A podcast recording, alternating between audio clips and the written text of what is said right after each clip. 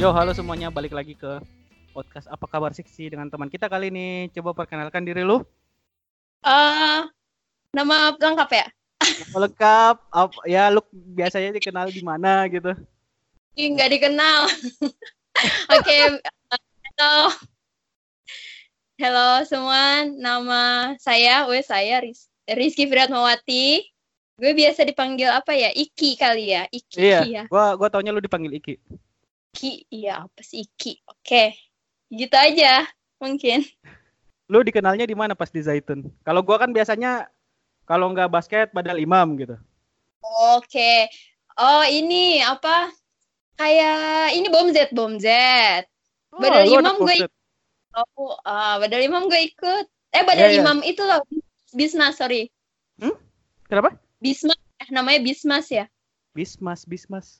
Tuh kayaknya gua familiar. Bismas apa ya? Aduh. Aduh, Ya ya? Allah. Gua lupa. Pokoknya sama, kalau nggak salah Hajir ya itunya ketuanya Eh lah. coy, entahlah itu. FBI coy, FBI forum apa Family of Badal Imam coy. kok bi kok bi Bismas komit ya. kepanjangannya? Oh, ya, sorry. Gue kebanyakan kepanjangannya apa? organisasi. Oh, Badan, kan atau Badal Imam. Mata Zaitun. Mas. Hah. Tuh, gua lupa. Gua gua lupa tapi kayak familiar gitu entah kenapa namanya Hmm. menama Bismas itu. Hah. Entahlah, pokoknya yang gue inget seorganisasi bareng Tegina. Aha. Terus terus. Tegina terus sih gue barengnya nih kayaknya gue anak Oh, butik. gitu. satu divisi gitu sekretaris gitu lah ngintil-ngintilin banget deh dulu belajarnya sama Tegina banget oh, gitu. Ya, ya. Berarti lu di berarti lu jalannya sama Tegina biasanya atau gimana? ah enggak enggak enggak jalannya sama pada tahu nggak nih ya Dini tahu nggak Adit Adit sekarang Diti, Adit Aditya Handayani. hmm Aditya Oh, iya. Handayani Itu gua kenal. Eh, ya pokoknya anak bom Z sih lebih banyak Nadia Nibras Oh, Timon Iya, ya. Gua kalau nginget Nadia Nibrasas bukannya dia anak KIF gitu ya? Ingat gak? fisika bukannya itu ya Iya, yang fisika. Eh, kayak kelas berapa itu sempet kayak ada yang bi- ada apa sih KIF tapi kayak lebih robot-robot gitu, gue lupa. Cuman gue kayak ikutan waktu itu. Ingat gak? Kayaknya itu gue nggak mungkin kayak gitu pak gue nggak mungkin IPA IPA lah. Tapi gue, lu anak IPA kan? anak IPA tapi kan Hmm. IPA yang tersesat Coba gimana tuh maksudnya IPA yang tersesat tuh? Gak maksudnya IPA karena ya bukan bukan jiwanya bukan IPA sebenarnya gue anak sosial aja sih Hmm. sosial apa sih matematika kan gue gak banget fisika nggak hafalan aja Bo- Oh. makanya biologi oke lah Oke, oke. Ya, bisa tuh ceritain gimana eh, lu setelah dari keluar keluar dari Zaitun eh, kegiatan lu Aduh. apa gitu? Bisa oh ceritain? nggak? gitu apa ya diceritain eh keluar dari Zaitun sebenarnya gue pengen eh jadi mahasiswa aja itu waktu itu kalau nggak salah Oh. Oke. Terus biasa gimana? ya pasti di kita kan diarahin dulu kan sama orang tua kan ya waktu awal-awal Iya. ah jadi ya sebenarnya gue nggak mau eh alham- alhamdulillahnya dia kayaknya nggak lagi nggak buka atau apa gitu lagi vakum dulu gitu Oh, waktu nah ya, waktu angkatan enggak. selesai lagi vakum. Nggak maksudnya nggak tahu kenapa nggak ada penerimaan mahasiswa entahlah itu gue juga lupa yang pasti gue nggak jadi tapi Oh, udah ke Jaitun Oh, begitu. Ah. Emang waktu ya itu itu har- harusnya ya. pendaftarannya gimana? Harusnya pendaftarannya gimana? Kan kita waktu eh, apa Chandra kemarin bilang kita kelar dari lulus dari Zaitun tuh bulan Juli. Iya, biasa sih gue juga cepet langsung ke sana katanya disuruh ngambil formulir atau apa. Tentunya ya nanti eh ya nggak ada ternyata nggak ada pembukaan untuk mahasiswa atau seperti itulah. Oh, Tapi nggak gitu. tahu kenapa enggaknya. Hmm? Gue juga udah lupa banget. Ingat gak waktu itu sama siapa aja kira-kira yang berniat masuk? Sama Nia kalau nggak salah lagi. Sama siapa? Sama Nia. Nia ya. Iya, Nia. Ya, Oh, aduh, gua sayangnya. Bekasi deh pokoknya. Oke. Ya. Eh gue ya ini gue tinggal di Bekasi jauh. Udah Bekasi jauh lagi gitu. Iya, ini emang Bekasi kan ya bro di Bekasi. Wah, amat rumah lo gitu. Terus, terus eh, akhirnya gimana? Iya akhirnya ya udah dan ya udah jadi gue milih yang gue mau gue jadi anak bahasa Mhm. jadi anak bahasa tapi ya karena udah selama merantau kan ya maksudnya kita di Jaitun kan apa nggak ketemu orang tua kayak gue mau deket orang tua aja ya udah jadinya ngambil di swasta aja sekolah bahasa asing gitu di deket di Bekasi bahasa Inggris ngambilnya tapi gue di situ juga suka bahasa Jepang jadi gue belajar sambil belajar bahasa Jepang ya kayak gitu sampai lulus dah bahasa aja deh gue anak bahasa Nama universitasnya apa ingat gak? Iya, Sekolah Tinggi Bahasa Asing Jepang Indonesia Amerika. Jia, Jia gitu Iya, lah. iya. Mm-mm, gitu aja sih biasa banget. Aduh. biasa banget. Itu itu itu lu masuk berarti eh, langsung setelah lulus dari Zaitun lu langsung masuk. Ya, langsung aja. Mhm. Karena memang kayaknya bahasa aja dari dulu di Jaitun kan yang gue inget semua hafalan-hafalan kayak apa eh, bahasa Arab tuh itu gue gue senang banget emang kayak gitu dari dulu. Berarti emang anak bahasa. Cuman lu lu ikut gak sih waktu itu? Jadi gua lupa itu kelas berapa kayaknya kelas 10 apa kelas 9 kayaknya kelas 10 deh di waktu itu di gedung Usman. Gue lupa sama Abi siapa. Jadi kayak dia bikin kayak kelas bahasa Inggris gitu. Jadi kayak sore-sore gitu. Kita ada kelas bahasa Inggris sendiri gitu, beda. Gue lupa Abi Abi siapa namanya. But, lu ikut gak kira-kira? Oh, Kayak gue lupa deh itu. Kayak gue nggak ikut deh. Oh, Mungkin ikut. kalau Iya, kalau di soalnya Jaitun sih iya kenapa emang belum bahasa Inggris karena kan mungkin banyak banget yang jago ya. Gue sukanya bahasa Arab malah di Jaya. Aha. Pokoknya Hah? emang suka bahasa Arab. Ingat aja kan apa guru-gurunya juga enak-enak tuh. Ustazah siapa ya? Aduh lupa tapi kan kecil. Ustazah Ana apa siapa? Waduh, waduh, gue gak tahu. Eh, gue gue sebenarnya kayak Gak tahu kan yang yang apa namanya yang kita ingat pasti kan beda-beda ya setiap Iya, orang iya. gitu ya. Iya. Ber- Iya kalau kalau gue sih yang sampai sekarang masih terkesan sih sebenarnya Abi Irfan soalnya dia kayak Abi Irfan sama ada namanya Abi aduh Oh. Abi Jo Jo Jo eh Jo Abi Jo Abi Jo dia soalnya main basket sama ngajarin gue programming waktu itu. Abi Irfan juga waktu itu ngajarin gue programming. Jadi dia mereka yang paling berkesan buat gue. Ya kalau gue pasti apa eh, wali kamar gue tuh Ustazah yang istrinya Ustadz Odi siapa namanya? Astagfirullahaladzim. Aduh, gue lupa, gue lupa. Tapi gue ingat, gue ingat om, gue ingat orang orang yang mana. Dia itu kayak nyokap gue banget waktu di Jason gitu. Oh, Dia gitu. juga Arab, bahasa Arab kan. Jadi gue Ah, ah, mungkin ngeliat sekitar gue aja gitu. Mhm. Oke. Terus lu pas masuk di sekolah tinggi bahasa asing itu ada Mhm. anak zaitun lagi atau lu doang? Ada, Anak seksi deh, anak seksi. ada anak Sikji. Siapa? Mar'ah, Mar'atun Nasyitoh, tau nggak? Oh, Mar'ah.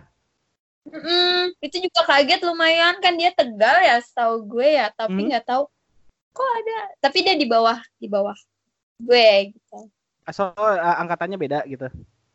iya di bawah Hmm. mungkin dia agak nanti dulu kuliahnya gitu, Mhm, ya, ya. duluannya gitu Dia anak Iya, itu juga jadi- kan, anak badal imam juga kan, Mar'ah. iya emang lumayan kita sering bareng juga Heeh. Itu tanpa komunikasi, masuk eh, STB apa Ah, JIA-nya itu.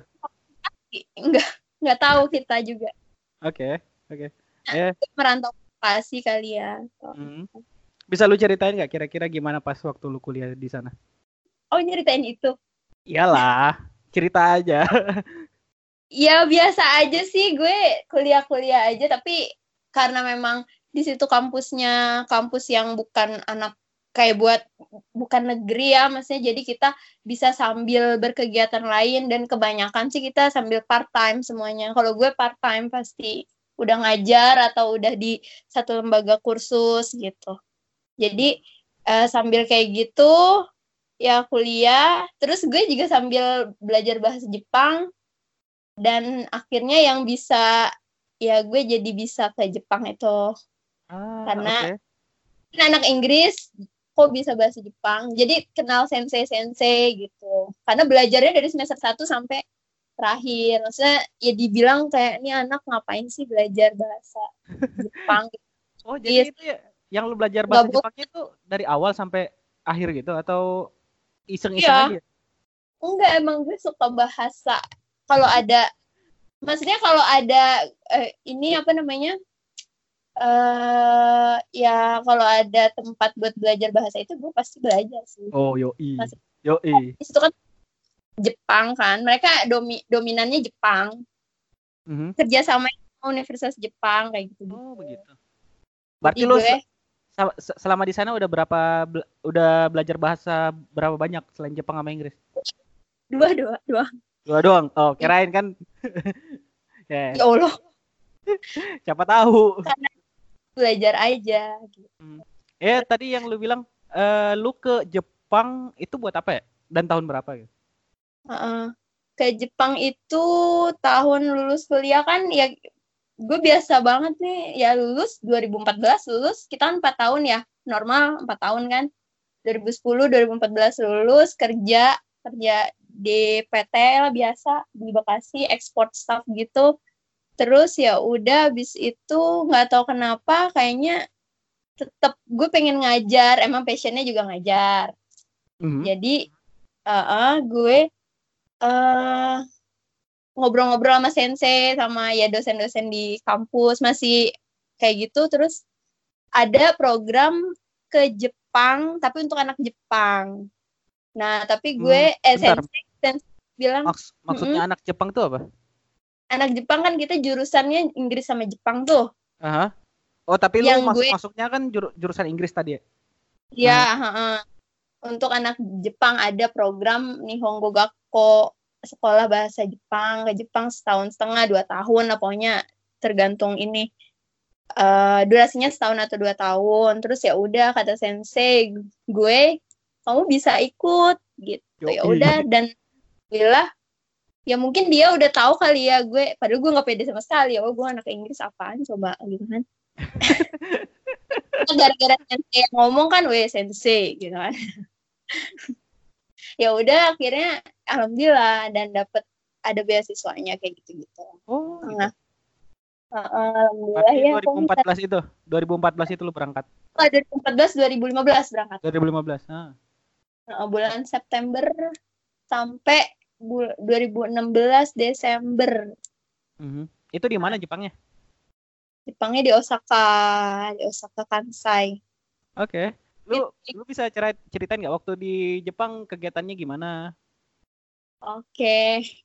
Eh, di Jepang ya sekolah bahasa aja, sekolah Nihongo Gakko setengah hari terus kita yang yang challenge-nya sih menurut gue eh ya bahasa pasti kita belum lancar ya waktu itu. Teman-teman kan banyak, beberapa orang yang barengan tapi kita disuruh nyari kerja part time kan. Nah, itu sih yang berat lumayan. Karena emang diwajibin sih kalau di Jepang kalau kita tinggal di sana pasti student apa namanya ya mahasiswa-mahasiswanya tuh pada part time pasti Ti- tiga jam entahlah dan kita di, di situ di eh, harus bisa wawancara bahasa Jepang dengan orang Jepang untuk part time itu sedangkan kan kita juga butuh duit. Sama aja kayaknya kayak di Jerman ya untuk survive juga. Kan Ya, bawa iya sih. ongkos. Sama hampir sama sih mungkin ya. Itu sih yang sebulan dua bulan tuh struggling banget. Ya, Ya, kalau- biaya hidup sih sebenarnya emang tinggi banget di sini. banget sih. Wow. Uh, terus alhamdulillah bisa kenal teman kayak international class gitu aja sih dari Cina dari ada yang Australia New Zealand kayak gitu jadi belajar bahasa Jepang bareng-bareng kayak gitu Mhm. aja Tapi kan satu setengah tahun itu lumayan lama juga ya. Buat apa? Buat iya emang emang buat kursus apa bukan buat kursus kayak emang sekolah bahasa gitu itu lumayan lama. iya sekolah bahasa untuk anak-anak yang memang uh, untuk mahasiswa kebanyakan sih mahasiswa udah semester 3 dia pengen improve maksudnya biar cepet gitu. Bagaimana nih bahasa Jepang gue uh, skill speakingnya sih yang paling penting kan. Maksudnya kan kalau Ah. di Indonesia tuh aduh boro-boro deh. Selama belajar di bahasa eh di Indonesia tuh kayak nggak bisa ngomong gitu. Kalau di Jepang ya udah dipaksa kan ya. Pulang-pulang ya udah ngomong udah. Wah udah lancar lah. Tapi ya gitu. Grammarnya juga kacau sih Eh Itu- ban- bandingin sama bahasa Arab. Oh ya, bentar. Bandingin bahasa sama bahasa Arab susahan belajar bahasa apa? susahan bahasa Jepang kalau kata gue Arab Oh, mungkin gitu. karena seru aja sih kalau gue bahasa Arab dari dulu terus juga kan sambil belajar Quran juga kan seru sih kalau Yes. Arab gue Jepang kacau deh gitu ya.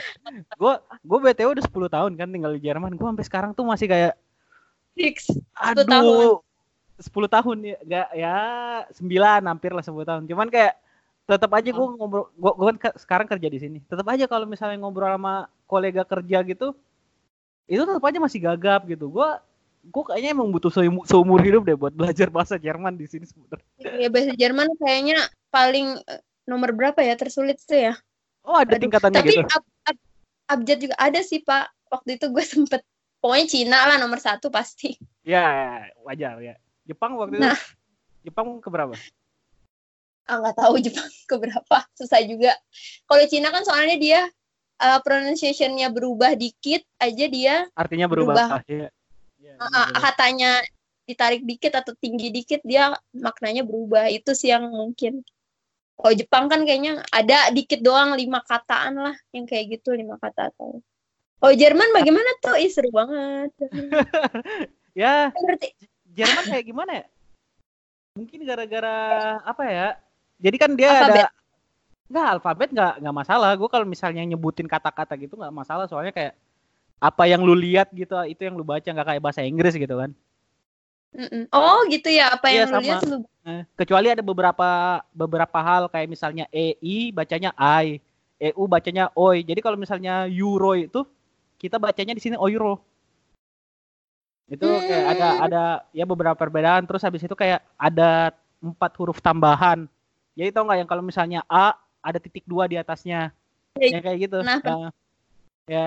Terus ada kayak huruf B tapi kayak ada ekornya di bawah. Itu beda lagi hurufnya gitu. Ya jadi kayak ada empat Aduh. huruf tambahan. Tapi itu nggak eh, so far itu gampang soalnya empat huruf tambahannya juga nggak su- susah-susah amat. Cuman yang bikin Heeh. menurut gua susah itu apa, Apa ya? Kayak lebih gramatiknya. nggak Gramatik. gua gramatik nggak juga menurut gua. Tapi lebih kayak apa ya? Mungkin gara-gara basicnya bahasa Indonesia. Jadi kalau misalnya mau ungkapin satu dalam bahasa Indonesia itu kayak banyak itu artinya dalam bahasa Jerman, tapi maknanya beda. Artinya artinya sama, tapi maknanya beda itu, ngerti gak? Kira-kira. Oh iya iya iya iya iya. Mungkin karena kosakata atau pembendaharaan dah, pembendaharaan kata bahasa Jermannya banyak ya. Iya, itu dia. Kayak Indonesia Oh. masih aduh Apa-apa? masih dikit kosakata bahasa Indonesia. enggak ya gua gua, gua nggak tahu sih karena gue selama ini kalau mau ekspres apa ya nge- ngeluarin apa yang gue pengen inginkan itu eh, apa yang pengen gue ucapin itu kadang-kadang tuh kayak gue lebih suka ngucapin dalam bahasa Inggris gitu karena kayak Ya, sama. ah gimana ya bukan gue gue gue bukan mau bilang in- bahasa Indonesia miskin kosa, kosakata cuman kayak Eh tapi itu kenyataan.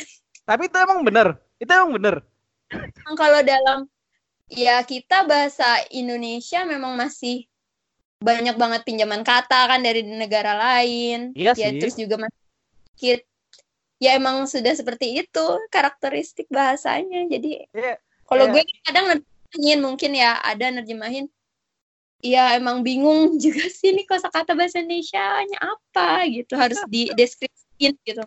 Iya kayak kalau gue Iya. sih con- contohnya tuh sebenarnya kalau misalnya bahasa Indonesia bilangnya besar gitu. Kalau bahasa Inggris kan bisa bilang big, huge, massive gitu kan. Jadi kayak itu tingkat itu artinya besar, tapi kayak tingkatannya tuh beda gitu kan. Itu yang Iya, caranya Yang tuh oh iya maksudnya ya it- itu artinya besar, sangat besar, gede gede ya kayak kayak gitulah yang maksud gua. Kosa kosakata Indonesia tuh di apa? Iya. Dikit ya. Dikit iya emang udah karakteristik tuh bahasanya tuh kayak gitu. BTW gue gak tahu nih kalau lu orang bahasa dan sedangkan gue emang dari dulu mikirnya kayak gitu. Bagus juga nih. Akhirnya ada yang ada yang sepikiran sama gue tentang ini. kayak gitu. Iya. Ya. Terus Kayaknya anak Kenapa? Lu sosial IPA, aduh kena semua babat-babat. coba coba gimana gimana tadi? Lu anak sosial, anak maksudnya IPS juga oke, IPA. Oh. Sosial. Gue anak sosial. Enggak maksudnya bahasa lu suka kan, mantep lah gitu. Ya, gue gue sebenarnya gak suka bahasa. Bukan ta- tapi gue lebih suka. ya. Ya ya terpaksa. Harus diharuskan. Diharuskan ya. Iya, iya. Gue Ya kan gue ngeliat lu kan dulu pada yang gerombolan, oh my god. Oke, magic. apa apa? Pokoknya Gua itu gue horor banget. Fisika, fisika itu tuh gue horor gitu bagi gue. Ah, oke. Ya, t- tadi lu bilang lu orang sosial, lu waktu itu sempat pengen masuk ke universitas lain atau gimana? Selain bahasa. Oh enggak sih emang kayaknya Emang dari awal gitu. Emang dari Eh, awal bah- bahasa gitu langsung. eh, karena ngelihat juga aduh matematika yang begitu. Paling biologi sempet sih. Biologi kali ya, paling kan emang dari dulu gue pendidikan aja sih lebih ke Oke. ke guru lah atau ininya insya Allah dosen lah kalau emang mau ini pendidikan yang lebih emang nggak nggak apa-apa sih Eh, BTW Pendidikan gimana tuh ya. kehidu- kehidupan di Jepang? Kayak Mhm. lu beradaptasi gimana satu setengah ta- kan satu setengah tahun itu lumayan lah. Lu seru beradap- seru Ah, Iyalah pasti. waktu yang kayaknya ih coba dulu gue nggak ngikutin maksudnya nggak nggak iyain sensei kan sensei kan yang rekomendasiin. Bisa kok coba takut ya gitu kita. Kan pasti pertama takut ih ke negara orang. Tapi itu sekarang yang gue yo thanks banget. Udah rekomendasiin terus jadi bantuin gitu sampai sana. Banyak temen dapat keluarga juga. Ya teman-teman orang Jepang teman negara lain juga banyak kan tetap terus juga sekarang jadinya kerjaannya juga masih ada hubungannya sama Jepang juga gue Oh, sekarang sebenarnya seringnya iya nge-freelance tour guide sana Ah, tour guide ke Jepang. Mm-mm, Oh, kadang gitu. Yo, ih, seberapa sering? kemarin sih baru April Si Kurot bilang tadi ayo kita ke Jepang.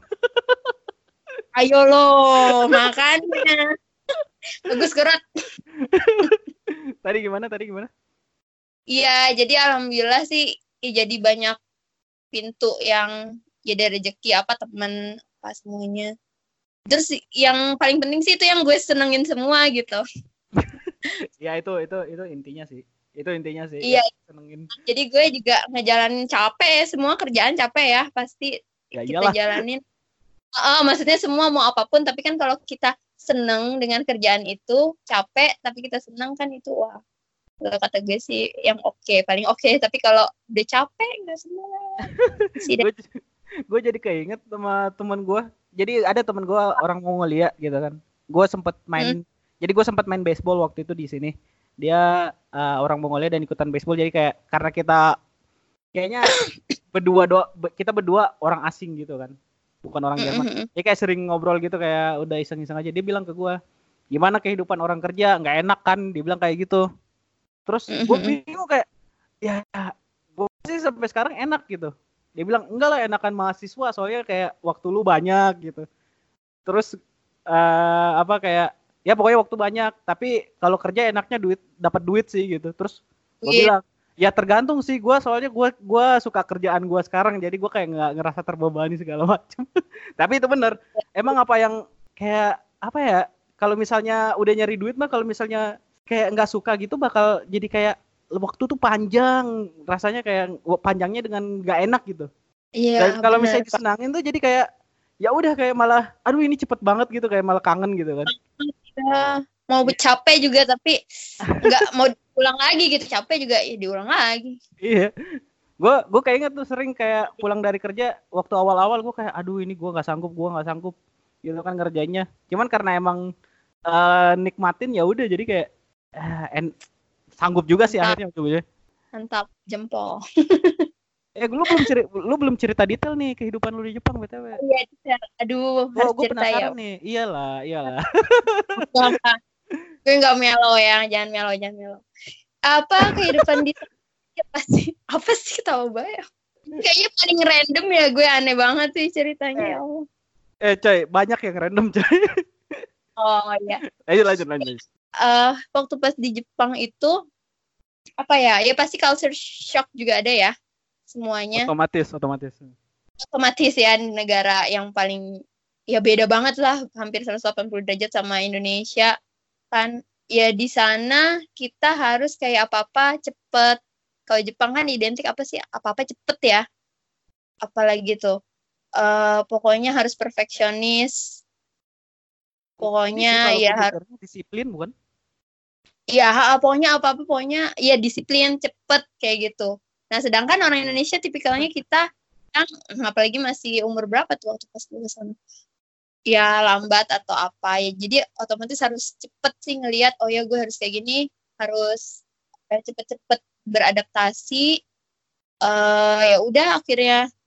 Yang paling sulit sih mungkin kalau kata gue ya waktu itu sih adaptasi apa namanya kita agak lama mungkin cara kerjanya. Kan kita part time juga ya gue part time mm -hmm. tuh di hotel sama di di hotel jadi uh, bed maker mm -mm, sama gue jadi tukang takoyaki. Yo yang muter-muterin gitu atau gimana?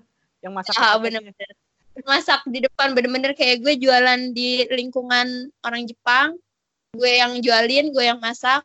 Yang supervisor gue di belakang aja paling kalau ada salah atau apa. Itu tipikal sih. tipikal orang Jer uh, or, tipikal orang Jepang tuh apa? Tipikal orang Jepang. Hmm. maksudnya ciri-ciri mereka ya kayak apa yeah. ya? Ya pokoknya harus yang diomong kita yang dikerjain yang diomongin kita itu harus sama Jalanin. yang yang di, kita kerjain pokoknya. Kalau lo apa jam 9 janjian eh jam 9 pokoknya yang sedetail itu lah detail banget. Kayak Jerman aja sih kayaknya keretanya juga itu kacau kayaknya lebih kacau Jerman sih daripada Jepang ya. Apanya? Tepat waktunya? Nah, kalau dari schedule kan nah. bisa dilihat dari apa transportasi mereka kan iya, iya. gitu uh, ya. jadi persekian menit jam 20 11 tapi nggak detik juga sih jam 21 lewat 11 itu kereta emang ketutup 21 lewat 11 ya kan. Oh iya, ya, ya kayak gitu. Kayak di di sini Iya Jerman sama lah, gue tahu. Iya, cuman kalau misalnya di Jepang menurut gue yang bedanya sama orang Jerman itu apa ya? Ah, apa tuh? Kalau orang Jepang tuh hard worker. Kalau orang Jerman dia lebih kayak teratur. Beda kayak misalnya uh, kerja emang harus 8 jam ya udah mau mau nggak mau kerjanya 8 jam kalau misalnya disuruh lebih mereka nggak mau gitu soalnya emang oh. harusnya 8 jam doang gitu kan kalau Jepang nggak kayak gitu kan gue kayak sering ngeba ngeliat YouTube gitu kalau misalnya orang Jepang bisa apa kayak iya. kerja 16 jam per hari gitu gila itu uh, di balik di balik uh, apa namanya keteraturan mereka itu banyak masalah sebenarnya.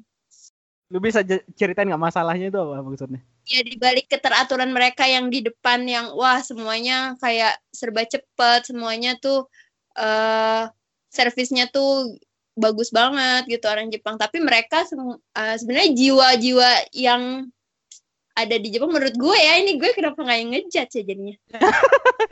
Kosong gitu mereka. Kalau gue lihat ya agak kosong gitu. Makanya gue kalau ngelihat juga oke okay, mereka jalan cepet-cepet kayak gitu. Oke okay, mau ke mana sih gitu kan? Maksudnya ya mau sebenarnya dia tuh menjaga kalau di Jepang tuh ada namanya tatemae gitu. Tatemae tuh uh, jadi perasaan yang ada di dalam diri kita tuh nggak boleh diungkapkan secara jujur untuk menjaga norma gitu. Ya, ya terbuka. Pri, privasi gitu. Enggak, enggak bukan. Jadi kita misalnya sama orang nih. Kalau hmm. privasi uh, jadi tatema itu bagaimana caranya kita sebagai manusia sesama manusia tuh menjaga keharmonisan hmm, sesama manusia okay. ya kita nggak bilang nggak nggak boleh kayak mengungkapkan sebel oh, atau apa respect gitu respect kayak jaga tapi ini lebih ke kalau gue kenapa itu yang bikin orang Jepang tuh jadi nggak jujur gitu nggak jujur dengan diri dia sendiri jiwanya oh. agak lumayan kosong oh, jadi dia tuh kayak ngerti. jaga ayah nggak apa-apa nggak apa-apa padahal itu apa-apa gitu oh gue ngerti, itu mungkin yang bikin gue uh, kayak oh ini kasihan banget nih orang-orang yang ada di sini sebenarnya tapi ya itu eh dari sudut pandang gue ya tapi emang oh. ada itu tatema mahone itu ada di budaya mereka. Hmm, oke okay, oke. Okay. Eh mengungkapkan eh, kayak misalnya eh, misalnya dia nawarin ya kayak basa-basi orang Jawa aja ya, tapi ini lebih kompleks sih orang Jepang tuh yang diomongin tuh sebenarnya di aduh capek banget sebenarnya kalau mau ngomong hati-hati yang diomongin tuh nggak sesungguhnya ada makna-makna ah oke okay, oke okay. kayak gitu oke okay. gue ngerti gue ngerti Ida, gua, ini dalamnya gua, ya gue gue kalau nggak salah juga kalau ngomong kayak gitu sebenarnya jadi kayak gue tuh uh, eh, gue waktu itu sempat cerita sama Reza Hasmi dia kan kayak kayak jago nangkep karakter orang gitu dia waktu itu sempat mm-hmm. meskipun off the record gitu dia bilang kayak gue tuh kalau ngomong tuh nggak maksudnya nggak sesuai dengan apa di kepala gua. Oh, jadi Wah, abis tebak gitu ya? Apa Mantap. siapa? Dia. Ya, dia, Ren. dia dia dia jago sih. Ya, aduh, itu ada nggak ya? Kayaknya off the record juga sih. Soalnya kayak terlalu sensitif. Jadi kayak dipotong. ya. Ya, Siap, siap. jadi kayak ya gua gua at least ngerti. Tapi karena emang konsep gua tuh gua menghindari konflik gitu loh. Jadi kayak Ya itu ya sama selama orang. itu kan. Ya kayak menghindari konflik itu kan maksudnya. Tapi sebenarnya jadinya ya lama-lama dihindari kan dia jadi bertumpuk ke diri dia ya makanya kenapa banyak yang bunuh diri kayak gitu. Itu salah Wah. satu ya fak. Yang lain banyak. Dari dari kemulusan atau ke keteraturan Jepang negara yang wow gitu kan di luar kita di Indonesia ngeliatnya kayak gitu banyak sih Ya, hal ya. yang kalau gue udah ngeliat jadi malah semakin wah Indonesia itu yang paling cocok deh buat gue wow banget Ya. Nah, ini iya, apa coba gue ceritanya Eh Kayak seru coy. tuh Eh gila cerita lu seru coy.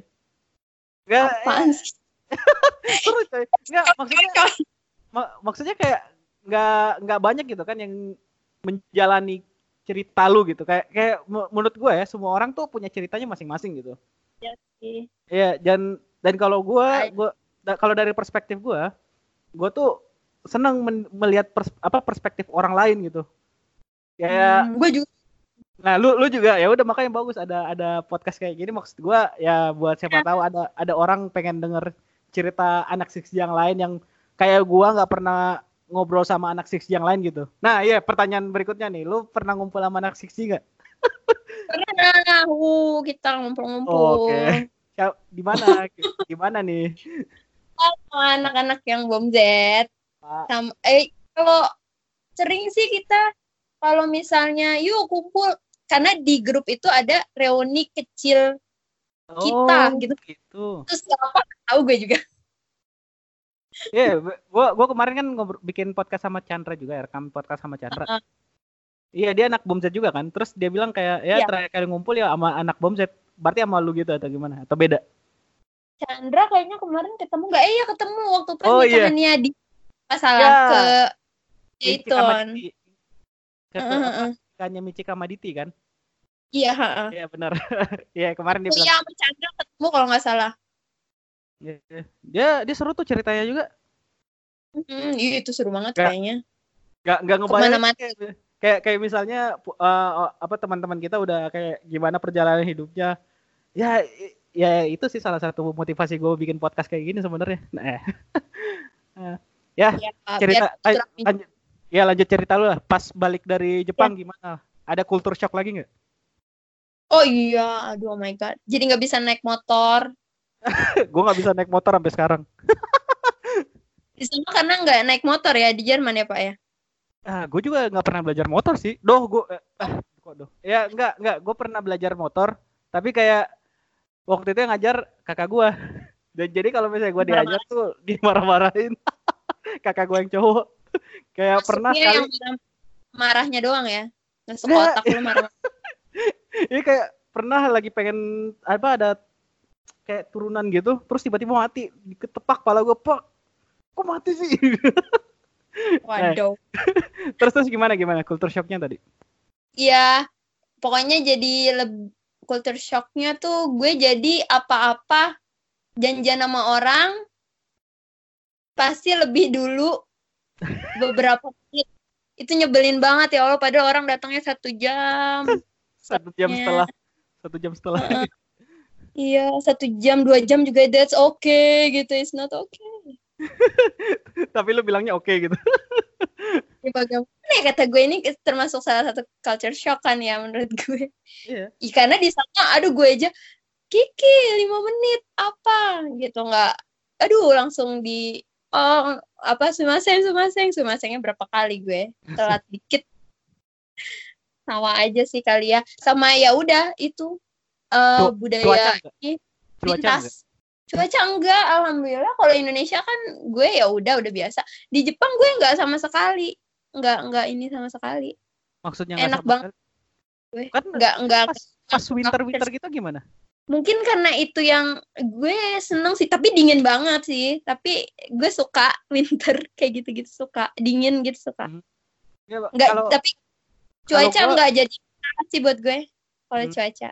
Nggak, kalau kalau gue soalnya pas gue balik ke Indo itu gue eh gue ingat pertama kali gue balik Indo setelah berapa ya satu setengah tahun kalau nggak salah ya gue balik ke Indo liburan kan gue keluar dari pesawat tuh langsung kayak uff gitu kayak gila ini panasnya kayak ini apaan gitu kayak Kayak vampir ya lo ya. kenapa Kayak vampir gosong gitu. enggak bukan bukan karena Berasap. pa- bukan karena berasap atau apa kayak apa ya feelingnya kayak hidung kayak kepan kayak apa menghirup udara tuh kayak aneh gitu rasanya Oh, Itu- menghirup udara. Iya kayak itu itu itu shock banget gua karena gua kirain kan gua udah biasa gitu. Cuman pas gua pertama kali keluar dari pesawat ya itu perasaan gua langsung kayak buset ini eh gua langsung kayak eh, kepanasan gitu. Terus pas gua iya kayak kayak kayak mau mau bernapas juga kayak panas gitu eh nafasnya. Eh cuman kayak gua tuh selalu keringetan kayak gua gua gua ya gua pernah tuh gua bawa handuk buat jalan-jalan gitu. Soalnya gua beneran kayak keringetnya banjir. Iya, udah biasa banget. Oke. Iya, dan gue pernah Gue beneran ya lu lu lu lu nggak ngerasain kayak gitu waktu waktu balik Nggak, dari Jepang. Wah, ekstrim kali Jepang ya itunya. Pas panas soalnya dia juga sama banget kayak Indonesia, lebih parah Jepang kalau panas. iya sih sama juga di sini. Kalau pan kalau summer mah iya, panas pan- panas banget. Cuman kayak beda gitu hawanya, coy. Kualitas udara, kualitas udaranya itu ya. Enggak, gue bukan karena kualitas udara sih kayaknya. Kayak emang apa ya, humidity kali ya istilahnya. Humid. Iya, bener. Bedanya itu. Nah, ya. Ah, gue kan. Gue gue kirain kultur shocknya bakal ada pengaruh cuaca. Soalnya gue ngerasa kayak gitu. Iya, beda-beda juga kita ya badannya. Dan gue di Jepang tuh nggak sakit sama sekali. Waduh. Ntar. Gue tuh ya, kayak kalau gue rutin kalau gue sakitnya rutin. sakit. Iya. Kayak apa per- pergantian cuaca itu pasti gue eh, sakit gitu ya minimal dua dua kali setahun lah gue gua gua sakit demam gitu. Oh, Parah gak sih? Gue apa karena naik sepeda setiap hari kan. Ih gila, gue sehat banget tuh di sana. Kacau. Sehat banget. Pokoknya yang teman-teman gue yang tadinya gendut-gendut tuh, wah gila pada six pack six pack gitu. Lah gue gue menggendut sekarang coy. Gila. Ya kok bisa sih? Emang di nggak naik sepeda ya? Gue naik sepeda. Cuman eh gue Kok bisa? gue ekstrim menggendut. Kenapa? Gitu. Gue ekstrim menggendut gue. Bentar. Gue lupa. Wah, bapak Kayak-. Enggak, enggak. Gue keluar Zaitun tuh kalau nggak salah di bawah 60 lah eh, berat badan gue. Heeh. Gue sebelum Oh, nikah kecil. itu gue gue sebelum nikah kayaknya 80 deh. Tujuh, Sekarang lima, 100. Enggak, enggak, enggak. Masih 80. Oh iya, alhamdulillah. Gara-gara waktu itu gue eh itu sibuk skripsi. Jadi kayak bukan sibuk sih, stres skripsi sih. Jadi Ya, kayak stres kalau kalau- banget ya. Iya enggak kalau gua stres kan be- beda kan orang kayak gimana. Kalau misalnya stres ada yang kayak nggak mau makan. Kalau gua kalau stres gua makan. Hmm. Terus karena gua skripsi jadi gua nggak gerak. Jadi gua kayak depan komputer ngerjain skripsi kayak segala macem lah. Ini tingkat stres kayak gue. Gue malah harus keluar. Nah itu kan beda kan cara cara orang buat nganin aja lupa aja skripsi. Hmm. lu waktu itu skripsi lu ngapain? Ngerjain deh gue. Eh gue mah biasa anak bahasa cuma Ah. kualitatif yang cuma apa bahasa aja di novel ini mengandung angka. Eh gue terjemahan sih menerjemah terjemahan. Kayak Berarti gitu. lu lu salah satu yang apa ya istilahnya? Yang tersumpah di apa sih apa sih di, yang Gue yang enggak, enggak. terakui Gue kan gitu. enggak ngambil penerjemah. Gue enggak Oh, ngambil itu. Ah, itu beda lagi. beda lagi itu harus ada tahap-tahapannya itu enggak gue sekarang freelance freelance aja sih di dunia mengajar gue wajib kalau ngajar karena emang itu passion terus ya udah sekarang lagi mau coba yang tour guide itu mau bikin kayak ada kerjasama sama travel yang halal backpacker halal pokoknya semuanya halal tapi Oke, soalnya menarik. banyak ya yang tour atau trip gue pernah ikut tuh temen-temen sih juga pada curhat tapi kita nggak sholat waktu pas jalan ke sana itu kan jadi nggak atau Iya. nggak diatur lah waktunya atau makanannya halal nggak sih kayak gitu jadi sekarang udah berapa, beberapa kali gue nge-guide temen atau orang yang ken- apa direkomendasiin gue direkomendasiin ke orang ya selalu sih temanya halal backpacker lagi gitu aja sih sekarang Ya itu itu penting sih buat uh, turisme di penting banget sekarang kan. Uh, iya kayak muslim banyak kan? Iya banyak kan kayak gitu sekarang. udah muslim tour lagi ini banget booming banget Iya benar-benar. Oke. Kita btw pas selama di Siksi pernah ngobrol nggak sih? Pernah lah kan beda imam kayak paling nanya Iya. apa kegiatan Iya kayak gitu-gitu kayak ngobrol-ngobrol kayak gini yang nggak yang tanpa arah kayak Nggak. gini. Gak pernah kan? Ya, ya, Aku Ya, cewek-cewek aja ya setahu gue juga lu badal imam, cuman gue kayak mikir-mikir gitu, gue pernah ngobrol nggak ya sama lu? Terus gue gue tuh se- sampai yang sebelum ini gue mikir tadi, lu tuh waktu itu aktifnya di mana gitu. Makanya itu tadi gue pertanyaan gue yang awal. Ya, iya. Paling kayak gitu. Apalagi ya? Ada kesan-kesan ya pas lu selama di Zaitun? Mungkin cerita lu yang kayak apa ya, yang menarik gitu dan gak banyak orang yang tahu. Kalau lu mau ceritain. apa ya di bom Z itu sih? Kalau bukan orang bom Z jadi aneh ya ini gue ceritainnya. Ya Kenapa? seru aja. Pas KPTH itu gue KPTH juga tuh. Tahu KPTH nggak? Yang tanaman-tanaman tuh? Enggak, nah itu beda KPTH tuh apa? KPTH. Ceritain aja nggak apa-apa. enggak maksudnya gue juga agak lupa ininya maksudnya singkatan KPTH tuh tanaman hias al zaitun apa yang biar kita tuh kalau eh ekskulnya keluar itu loh ke mana sih itu yang ada peternakan sapi itu Oh, yang di apa yang di dekat ada banknya itu ya? Yang di belakang situ. Ya, pokoknya kita kayak harus pakai itu dulu, bit dulu kan, nganuin. Pokoknya iya keluar. Itu KPTH. Eh, terus kan apa, eh ada pameran-pameran tanaman itu. Itu sama Rez, Rez, siapa ya? Anak-anak bom Z lagi sih gue Nadia kayak gitu. Kayaknya orang itu itu. Jadi ya udah deh. Eh, iya, Terus? Itu itu lu dari kapan sampai kapan? sampai kapan sampai kapan ya kayaknya kelas udah mau akhir-akhir kelas 11 kali ya 10 Itu masih 11 kali Eh, itu masih ada ya? ada rame Ya itu dia gua gua gua tuh nggak tahu. Set- Setahu gua gua kan ikut tuh kayak Kif, Bom Z segala macam.